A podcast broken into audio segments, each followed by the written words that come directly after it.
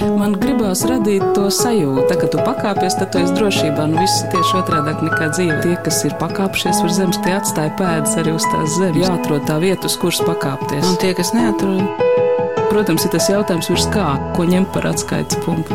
augstāk par zemi. Augstāk par zemi. Augstāk par zemi. Esiet sveicināti! Iznākusi sengrieķu valodas filoloģijas un antīko zinātņu doktoras Agneses Irbes grāmata Principiāla dzīvības aizsardzības ētika. Mans vārds ir Anna Buševica, un tapušais darbs man liekas ļoti personisks. Tas ir tāds grāmatu cilvēku mēģinājums pašam sev, un varbūt arī aicinot līdzdomāt laika biedrus, mēģināt atbildēt uz sev svarīgiem jautājumiem laikā, kad, skatoties ziņu raidījumus, reizēm šķiet, ka pasaule ir zaudējusi sajēgu un arī ētiskos orientierus. Darbs principiāli dzīvības aizsardzības ētika nav bezskaislīgs pētījums. Tā atsauču sarakstā ir ne tikai zinātniski pētījumi, bet arī ļoti daudz publicistikas.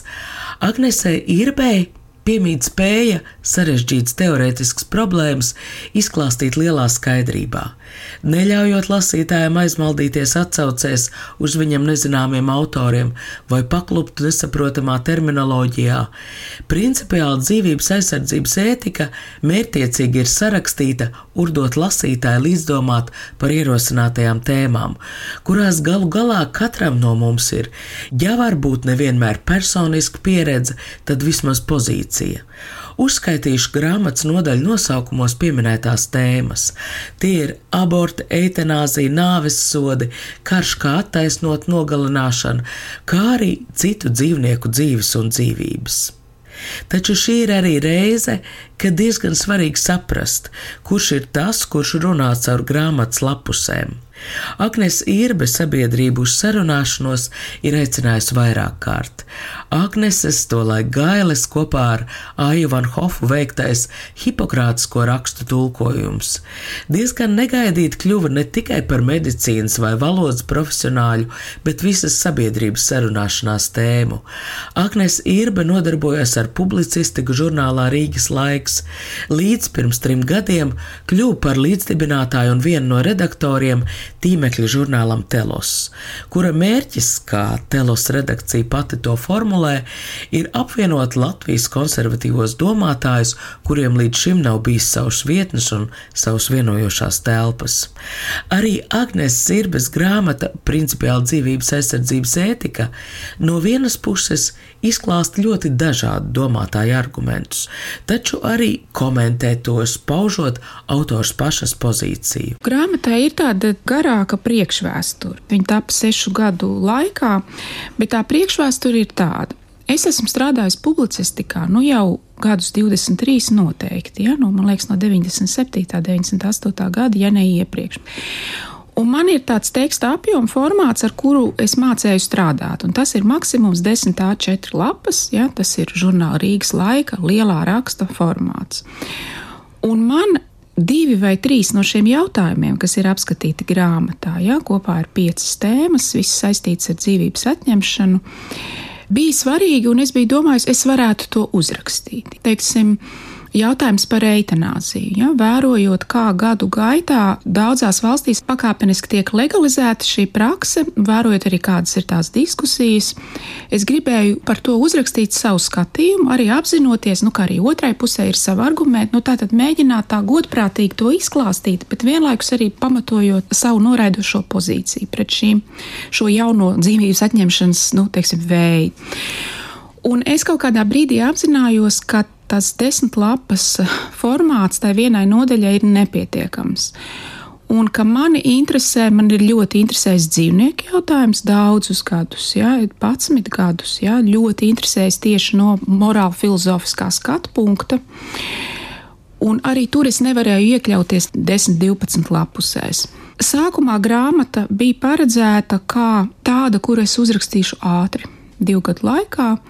Jo es tos materiālus, tā kā es biju domājis par rakstiem, tos materiālus jau biju vākus. Man datorā tādas mapes bija, ja, un es sekoju līdzi, es lasu ziņas, es arī, nu, teiksim, pērku grāmatas, specializēto literatūru, tur izkonspektēju.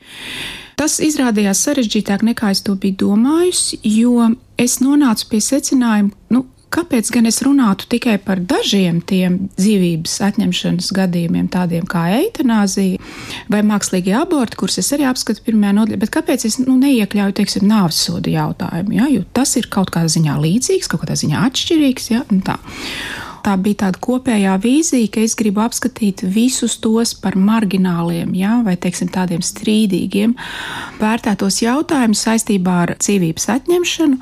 Tātad pamatā runājot par cilvēku, bet iekļaujot arī diezgan apjomīgu nodaļu par dzīvniekiem.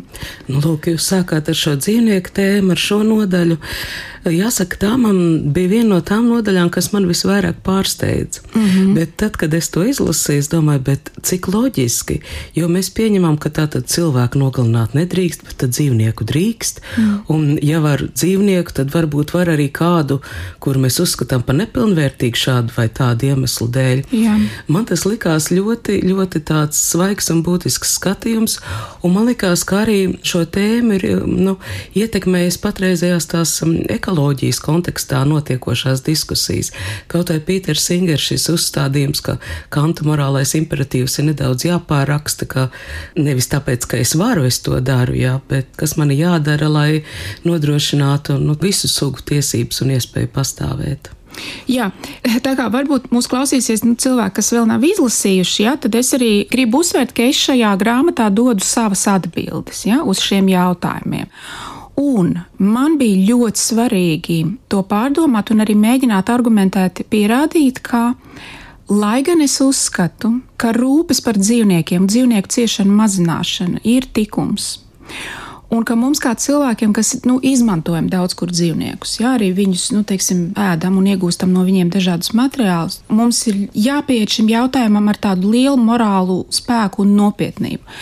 Vienlaikus es uzsveru šajā grāmatā, ka dzīvniekiem nav neatņemama tiesība uz dzīvību, ka šādas tiesības ir tikai cilvēkiem, visiem cilvēkiem, neatkarīgi no cilvēka spējām, attīstības pakāpes, slimības vai veselības, invaliditātes, ja, vai arī, manuprāt, viņu nodarījumiem pret sevi vai pret sabiedrību. Dzīvnieku jautājumu bija ļoti svarīgi atrisināt, ja man tajā kopīgajā ainā es tiešām esmu dziļi pārliecināta, ka dzīvnieku morālais status nav pielīdzināms cilvēku morālajam statusam. Tā ir viena no grāmatas tēzēm. Tad sanāk tāda situācija, lai arī grāmatas nosaukumā ir ļoti skaidri apliecināts šis dzīvības neaizskaramības princips. Principā visas tālākās diskusijas ir ap to, par ko mums būtu jādomā tad, kad mēs nogalinām. Jo nogalināšana ir ļoti netiešos veidos, sākot ar karbonādēdienu kartē, beidzot ar atbalstu karam Ukrainā. Jā, kara tēma ir arī priekšpēdējā nodaļa, to bija visgrūtāk uzrakstīt. Un šajā nodaļā man arī šķiet, ka es, es esmu teorētiski mēģinājusi atrisināt cilvēku nogalināšanas kara laikā jautājumu. Tad tā mana tēze ir tāda, ka nevar būt tā, ka tie ir apstākļi, proti, karošanas apstākļi, kas cilvēka viena no tām pamatlietām, kas ir viņa tiesības uz dzīvību, vienkārši tā kā atceļ un nosvītro. Tad gan arī būtu jāsaka, teiksim, nu, karš iet līdz nākamajai trešdienai, ja tad otrdienas vakarā vēl tam cilvēkam nav tiesības uz dzīvību, bet trešdienas rītā viņam viņa atgriežas, jo tad ir pamieris, ja, un viņš atkal kļūst aizsargājams. Tas vienkārši nav loģiski filozofiskā sistēmā. Vienlaikus es apzinos, ka arī pacifistiskais ceļš ir grūti pamatojums pacifisms ir kustība, kas ir bijusi aktuāla rietumos vismaz kopš 19. gadsimta, austrumos vēl senāk. Pacifisms pamatā saka, ka karš pats par sevi jebkādā formā ir amorāls. To nedrīkst atbalstīt nekad. Un tā ir ārkārtīgi spēcīga tēze, un es mēģinu viņu atspēkot. Mēģinot tā vietā piedāvāt varbūt nedaudz uzlabot vai nedaudz modificēt taisnīgu kara teoriju, kas saka, netaisni uzbrukt citai tautai vai citai kopienai ir smags morāls pārkāpums, ja, tad mēs varam runāt par karu Ukrainā, par Krievijas federācijas uzbrukumu Ukrainai. Vienlaikus Ukrāņiem ir tiesības aizstāvēties, ieskaitot aizstāvēties ar ieročiem. Ja? Tātad viņu aizstāvība balstās pašaizsardzības tiesībās, kas ir dabīgās tiesības, kuras es esmu uzsvērusi gan arī katrā nodaļā. Man ir tiesības fiziski un arī izmantojot varu aizstāvēties pret cilvēku vai cilvēkiem, kas grib man atņemt manu dzīvību. Kāpēc? Jo mana dzīvība, tāpat kā jebkura cita cilvēka dzīvība, ir pamatlabums. Tātad tas tās pašaizsardzības tiesības. Un vienlaikus nu, ir arī tas, ka es esmu arī daudz rakstījis par Mohandasu Gandiju, ja, par tiem elementiem, kas man liekas bijuši ļoti spēcīgi viņa mācībā, bet arī uzsverot tos aspektus, kurus viņam nepiekrīstu. Ja. Teiksim, Gandijs teikt, ka Ukraiņi nedrīkst pretoties fiziski, ka viņiem tas ir jādara tikai ja, nevardarbīgā veidā. Un tur Gandijs arī nonāk nu, dažādās pretrunās ar pašaizsardzības tiesībām, kas man liekas fundamentāls. Jo, redziet, es esmu daudz rakstījusi par to nevardarbības teoriju, ja, kas tiek izmantota gan lai atbalstītu nu, teiksim, lielāko aizsardzību dzīvniekiem, gan arī visos tajos kara gadījumos, ja, un praktiski visās tajās tēmās.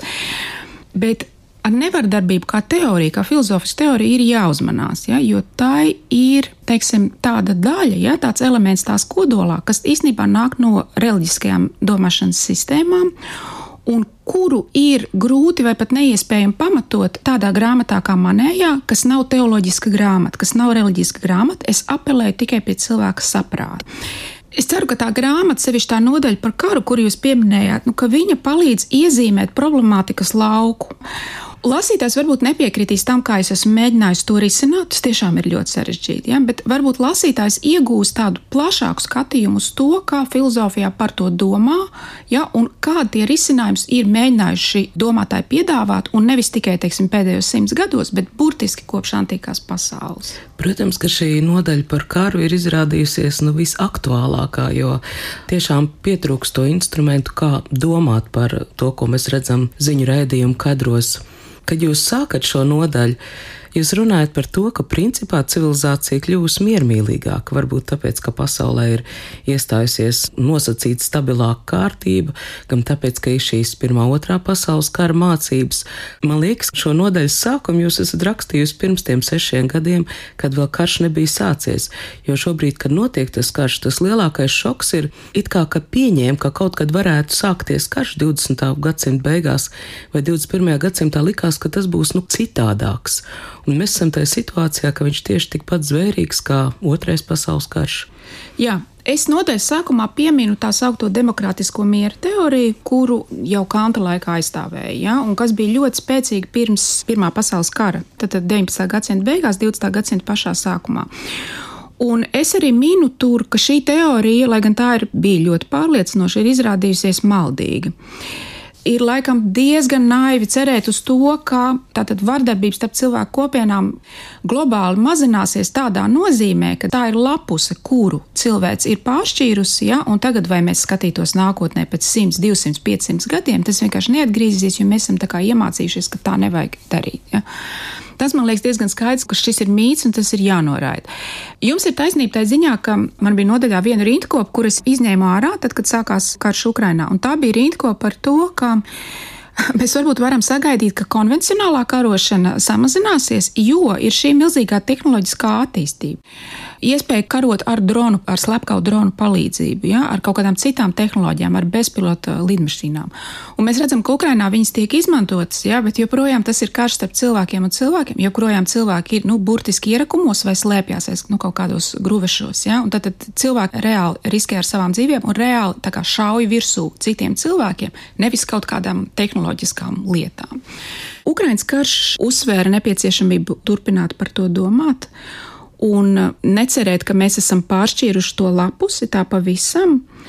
Es tajā pašā nodaļā arī rakstu par atomieroču lietošanu, tām milzīgajām debatēm, kas bija Amerikas Savienotajās valstīs, kur piedalījās arī virkni tajā laikā nozīmīgi bioētikas speciālisti, jā, arī teologi, arī filozofi, nu, ka šis ierocis kā tāds, viņa lietošana ir amorāla tieši tā iemesla dēļ, ka atomieroču mērķis ir civilie iedzīvotāji. Jā. Tas nav ierocis, ko tu vari vērst tikai pret karojošiem, kas ir uniformā. Un mēs redzam, ka, lai arī tik daudz grāmatas par to ir uzrakstīts, jā, un es vēl atceros no savas bērnības visus tos aicinājumus atbrīvoties augstā kara laikā, atbrīvoties no šāda veida ieročiem, nekad pie viņiem vairāk neatgriezties. Mēs redzam, ka nekur nav novedis viss tas lielais humanitārais process atbrīvoties no šiem ieročiem, karot kaut kā citādāk. Un es domāju, ka tie atomieroču lietošanas draudi ir nu, gandrīz tikpat augsti kā manā bērnībā, kas bija augstā kara laiks.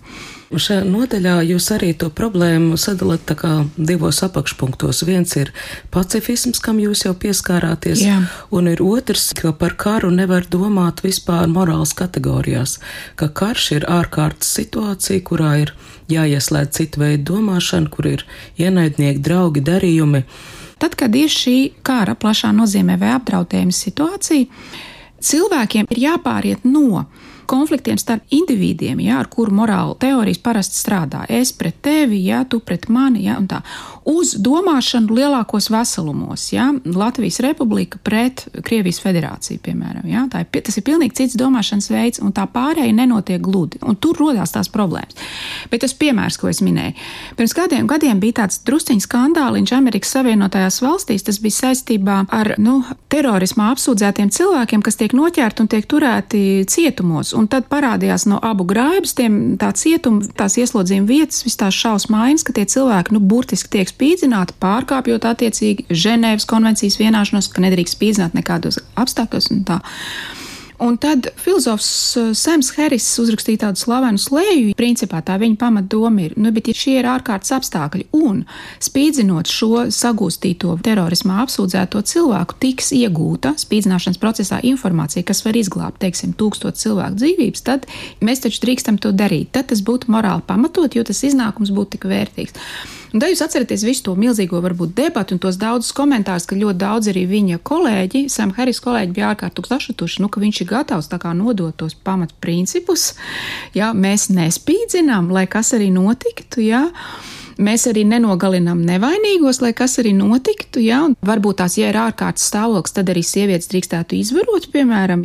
Tā ir tā pamat dilēma kuru filozofijā apraksta kā sadursmi starp pienākumā balstīto ētiku, ja, ko sauc par kantiānisko ētiku, ja, un kuru es esmu lielās līnijās centusies aizstāvēt, un utilitāro ētiku, kuru aizstāv arī Pīters Singers, kur jūs jau pieminējāt, ja, un kas balstās lielākā labuma aprēķinā, un kas principā saka, nevienam ne uz ko nav neaizskarams tiesības. Ja, var būt apstākļi, kad ir pilnīgi pamatoti jūs vai mani, piemēram, spīdzināt. Es esmu kanta pusē šo jau iezīmēto dilēmu par to, ka ir ļoti grūti samērot šo individu ētiku, attiecību ētiku ar tad, kad tu runā kādas lielākas kopienas vārdā. Faktiski to var attiecināt arī uz šo tēmu par nāvis sodiem, mm -hmm. par sodīšanu ar nāvi. Nāvis sodi ir, nu, es saprotu, ka nu, vismaz Eiropā atcelti. Nāvis soda jautājums vispār ir ļoti interesants. Es sāku, kā jau sākumā sacīju, interesēties par nāvis sodu un veidu, kā par to ir ticis debatēts, pēc tam, kad es biju ļoti iedziļinājusies visā tajā debatē par eitanāziju. Un man likās ļoti interesanti, ka tie argumenti, kas ļoti pārliecinoši tika formulēti, cīnoties par nāves sodu moratoriju, kas ir principā de facto atcelšana, un kas ir arī spēkā Latvijā, ja Eiropas Savienībā visur, ir ANO, ja nemaldos, 2004. gada, jā, tas oficiālais dokuments par nāvesodu moratoriju, un tur cīnījās par to daudzus desmitus gadus. Tas ir slavenas um, institūcijas, kas to darīja, Amnesty International tajā skaitā. Viņu argumenti bija, un tie ir pārliecinoši argumenti. Tātad, pirmkārt, mēs negribam, lai miera laikā valsts nogalinātu savus pilsoņus vai iedzīvotājus. Otrais arguments Vai mēs esam tik droši, ka mēs varam novērst kļūdas? Ja valsts izpilda nāvsodu cilvēkam, kas beigās pēc kādiem gadiem izrādās nebija vainīgs, vai varbūt bija garīgi atpalicis, ja, un viņu vispār nevarēja tiesāt, mēs nevaram tā kā nu, atgriezt šo dzīvību. Treškārt bija šis, varētu teikt, estētiskais arguments, ja, kas jautāja par to, kāds, nu, kādu iespaidu tas uz iedzīvotājiem, uz jauno paudzi atstās. Nu, ja šeit ir ik pa laikam būs tātad nāves soda izpildīšanas, ja, kaut kādās slēgtās telpās, kā mēs to darīsim? Mēs nošausim, pakārsim to cilvēku, ja, mēs, teiksim, veiksim navējošu injekciju, ja, un visi tie varianti tā cilvēkiem liek sarauties, nu, ka tas ir tāds, nu, tiešām to vajadzētu darīt, varbūt tomēr kaut kā citādāk. Un man liekas interesanti tas, ka tagad, kad šajā pašā Eiropas Savienībā ik pa pāris gadiem pieaug to valstu skaits, kur ir legalizēta eitanāzija, šie paši argumenti nedarbojas. It kā viņi vairs nebūtu spēkā, ja? nu, nosaukšu viņus vēlreiz. Ārsti veids darbības, kur mērķis ir cilvēka nāve, vai tas tā būtu pareizi, ja? varbūt tomēr uzlabot to paliatīvo palīdzību šim cilvēkam. Ja? Otrs, kā tad ir ar tām kļūdām? Ja gadījumā, pieņemsim, šis cilvēks, kurš pieprasa, ja, vai viņa radinieki, ja viņš ir bezsamaņā, ja, pieprasa ja, tad, tad eitanāzijas to pakalpojumu pēdiņās. Ja. Ja ar viņu ir manipulējuši radinieki, ārsti viņus to ir pavadinājuši, ja, ka viņš ir izdarījis šādu lēmumu, un tagad mums šis lēmums ir jāpieņem, ja, bet viņš būtu varējis pārdomāt, ja, varbūt viņam ir nu, kaut kāds cits, varbūt ir jauns zāles pēc pusgada, kas var palīdzēt šim cilvēkam. Visi tie paši argumenti tika izmantoti, lai panāktu nāvisodu moratoriju. Tagad tie paši argumenti nedarbojas attiecībā uz eitanāziju. Ja?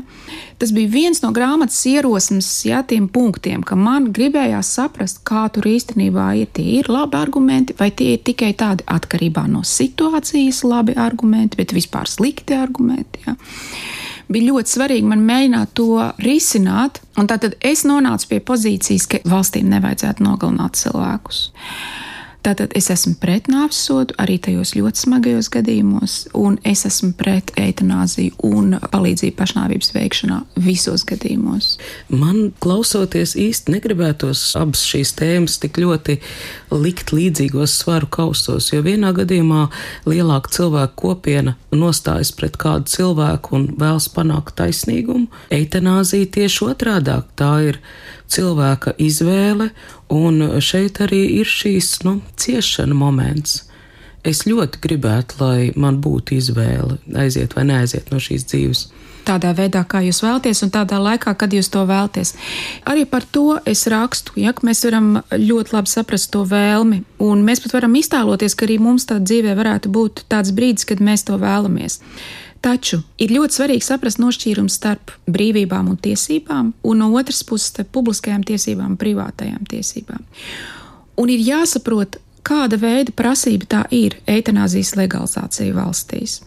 Tā ir prasība, ka to veids valsts. Un kas ir valsts? Mums nav nekā īstenībā augstāka par valsts institūcijām. Ja? Tas ir mūsu tieslietu sistēma. Tas kaut kādā ziņā ir mūsu gan sirdsapziņa, gan smadzenes visā šajā sabiedrībā.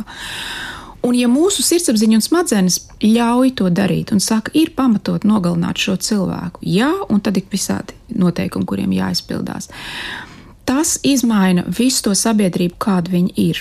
Tas izmaina izglītības sistēmu, tas izmaina to, kā mēs domājam par cilvēku dzīvības vērtību. Ja mēs esam gatavi atzīt, ka cilvēka dzīvība zaudē vērtību noteiktās situācijās, Tajā brīdī, kad sabiedrība pasaka, jā, mēs to atbalstīsim, bet, protams, ar noteikumu, bet, protams, ar ierobežojumiem. Jā. Mainās pats veids, kā sabiedrība domā par šo jautājumu, un tas ir tieši tas, kas man interesē šajā. Dzīve ir haotiska. Ja? Sabiedrību, notikumi sabiedrībā nevienmēr nav uh, iespējams paredzēt. Tas, ko mēs katrs varam kontrolēt, tur, kur mums ir vara, kā saprātīgām būtnēm, ir tas, ko mēs domājam un kā mēs runājam. Un man šķiet ārkārtīgi bīstami tā kā pakāpeniski piekrist ja, tai tēzē, ka, nu, teiksim, tāpēc, ka šī sieviete, kanādiešu jaunā sieviete, par kuru pirms dažām dienām ziņās bija nu, raksts, ja, ka viņai ir šī smagā depresija, tāpēc viņas dzīvībai vairs nav vērtība. Es tam nespēju piekrist morāla apsvērumu dēļ, un man ir šķiet svarīgi, nu, ka sabiedrība, nu, teiksim, nepiekrīt tam un turpina piedāvāt palīdzību šai sievietei, skaidrojot viņai, nē, visām dzīvībām ir vērtība. Sakiet, ciešanas ir vērtība jūsuprāt? Nē, nē, ciešanas ir laimes un veselības stāvokļa trūkums. Nē, ciešanām nav vērtība. To var tikai tādā, teiksim, metafiziskā nozīmē par to runāt. Psiholoģiskā nozīmē var par to runāt. Cilvēks ar savu prātu un savā attīstības procesā iemācās gūt sev nozīmīgu un paliekošu labumu no tām ciešanām, kas viņām ir bijušas ieskaitot tuvu cilvēku zaudējumus, ja? ieskaitot kaut kādas pievilcas cerības, mīlestībā, attiecībās, ka kaut kur citur. Protams, ka tās ir ciešanas. Daudzos gadījumos arī slimība. Ja tu esi pārslimojis smagu slimību, es ļoti cietis. Bet tas nepadara šīs lietas par labumu. Tas vienmēr ir kaut kā laba trūkums. Veselība ir labums, ja? harmoniska, iekšēja miera laimes sajūta ir labums. Ja? Ciešanas ir šo lietu trūkums. Nē, ciešanas nav labas, bet mēs varam no tām mācīties. Jo ir bijuši, nu, teiksim, arī atkal jāpiesauc nu, reliģija kontekstā, um, nu, šīs sarunas par to, ka, nu, ja cilvēks cieš, tad, bet, nu, Dievs viņu nesauc pie sevis, tad, nu, viņš turpina iet šo savu ceļu, viņš gūs kaut kādu mācību, atziņu. Dažādu reliģisko, nu, grupu pārstāvi tā arī argumentētu. Budisti, piemēram, man pat ir bijušas privātas sarunas. Viņi tā arī teiktu, ka šīs dzīves posms, kad cilvēka nāve lēnām tuvojas, teiksim, slimības dēļ vai vecuma dēļ, viņš ir ir ļoti nozīmīgs. Neskatoties uz to, ka ir ciešanas, jo, teiksim, dvēsele tuvojas tam pārējais posmam, un tas, ko dvēsele tajā brīdī piedzīvo, saprot, ja, izdara atziņas, tas ir ļoti, ļoti svarīgi un iespējams pat ir pats svarīgākais tā cilvēka dzīvē. Tur nedrīkst iejaukties, ja, tur nedrīkst traucēt, ja, un nekādā ziņā nevajag to pārcirst ar nāvējošu injekciju. Es šos argumentus neesmu attīstījis, jo man ir ļoti racionālistiska pieeja. Es esmu drīzāk balstījusies, vairākas reizes arī grāmatā uz to atsaucoties, dažādu ārstu tekstos, izdevumos. Ir runa par grāmatu, kas latviešu iznākusi ar nosaukumu Būt mirstīgam 2015. gadā. Tā ir laba grāmata, iesaku to lasīt. Tā ir grāmata īstenībā par cilvēkiem, kas strādā ar to paliatīvo medicīnu. Ja? Protams, ka viņiem ir priekšā cilvēki, kuriem nu, tas dzīves beigu brīdis ir tuvu, ja? ciešanas ir nenoliedzams, ir arī vājums, ir arī tāds psiholoģiskais nogurums ja? no visām tām ciešanām. Viņi mēģina to strādāt un palīdzēt, ja? un, un viņi uzsver visu kā viens. Mūsu rietumu medicīna ir attīstījusies tik tālu, paldies Dievam, ka mēs ļoti asas fiziskas sāpes mākam noņemt. Tāpēc prasība pēc eitanāzijas nav balstīta vairs mūsdienās tajā, ka būtu neatņemamas teiksim, tās sāpes. Principā tā prasība pēc eitanāzijas balstās izredzu trūkumā, nomāktībā, tuvu cilvēku atbalsta trūkumā, vīzijas trūkumā. Un, ja paliatīvo medicīnu tā pamatīgi apaudzētu ar to, nu, to cita veida palīdzību, un arī būtu lielāka pietāta pret veciem cilvēkiem sabiedrībā vai pret cilvēkiem, kuri ir cieši, ārsti ir pārliecināti, ka prasība pēc eitanāzijas samazināsies. Ka tas ir drusciņš izmisums sauciens no veciem slimiem cilvēkiem, kuriem aprūpe ir nekvalitatīva, kur trūkst šo darba roku, ja? trūkst arī varbūt bērnu, mazbērnu, kas tur ir klāt. Jautājums, ko Agnēs Irbe arī pati rosina savā grāmatā Principiāla dzīvības aizsardzības ētika. Medicīnas jomā ir notikusi attīstība, vai arī medicīnas ētikā ir notikušas kādas principiālas izmaiņas. Es pati 2003. gadā sadarbībā ar Aivanu Hofu izdevu grāmatu Hipokratisko rakstu izlase.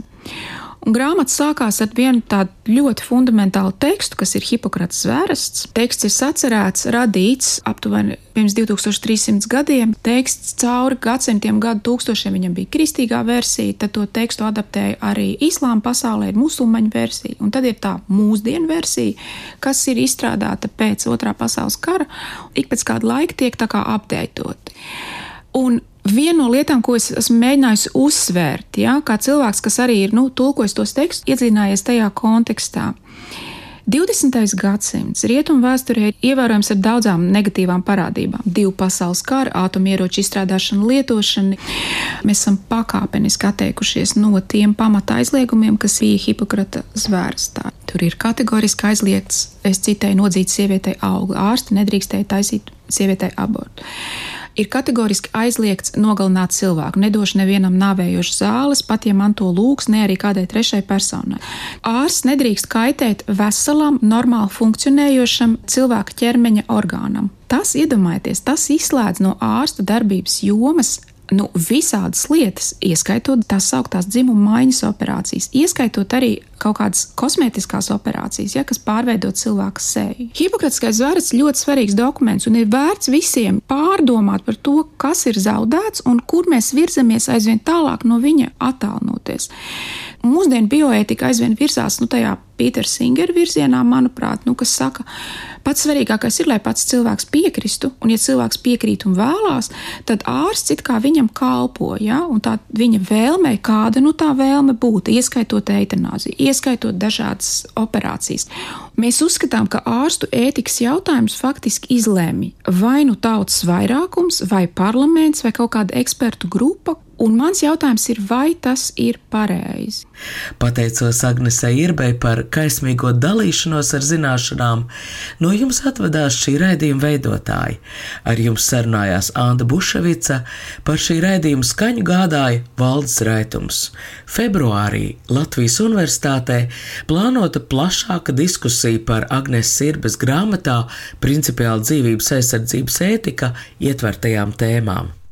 Tā kā tu pakāpies, tad tu esi drošībā. Nu, viss ir tieši otrādi nekā dzīve. Tas ir tā spēle, jā. Tie, kas ir pakāpšies virs zemes, tie atstāja pēdas arī uz tās zemes. Protams, ir tas jautājums, ko ņemt par atskaites punktu. Nē, nu, principā ir skaidrs, augstāk par zemi. Jāatrod tā vieta, uz kuras pakāpties. Augstāk par zemi. Augstāk par zemi. Augstāk par zemi.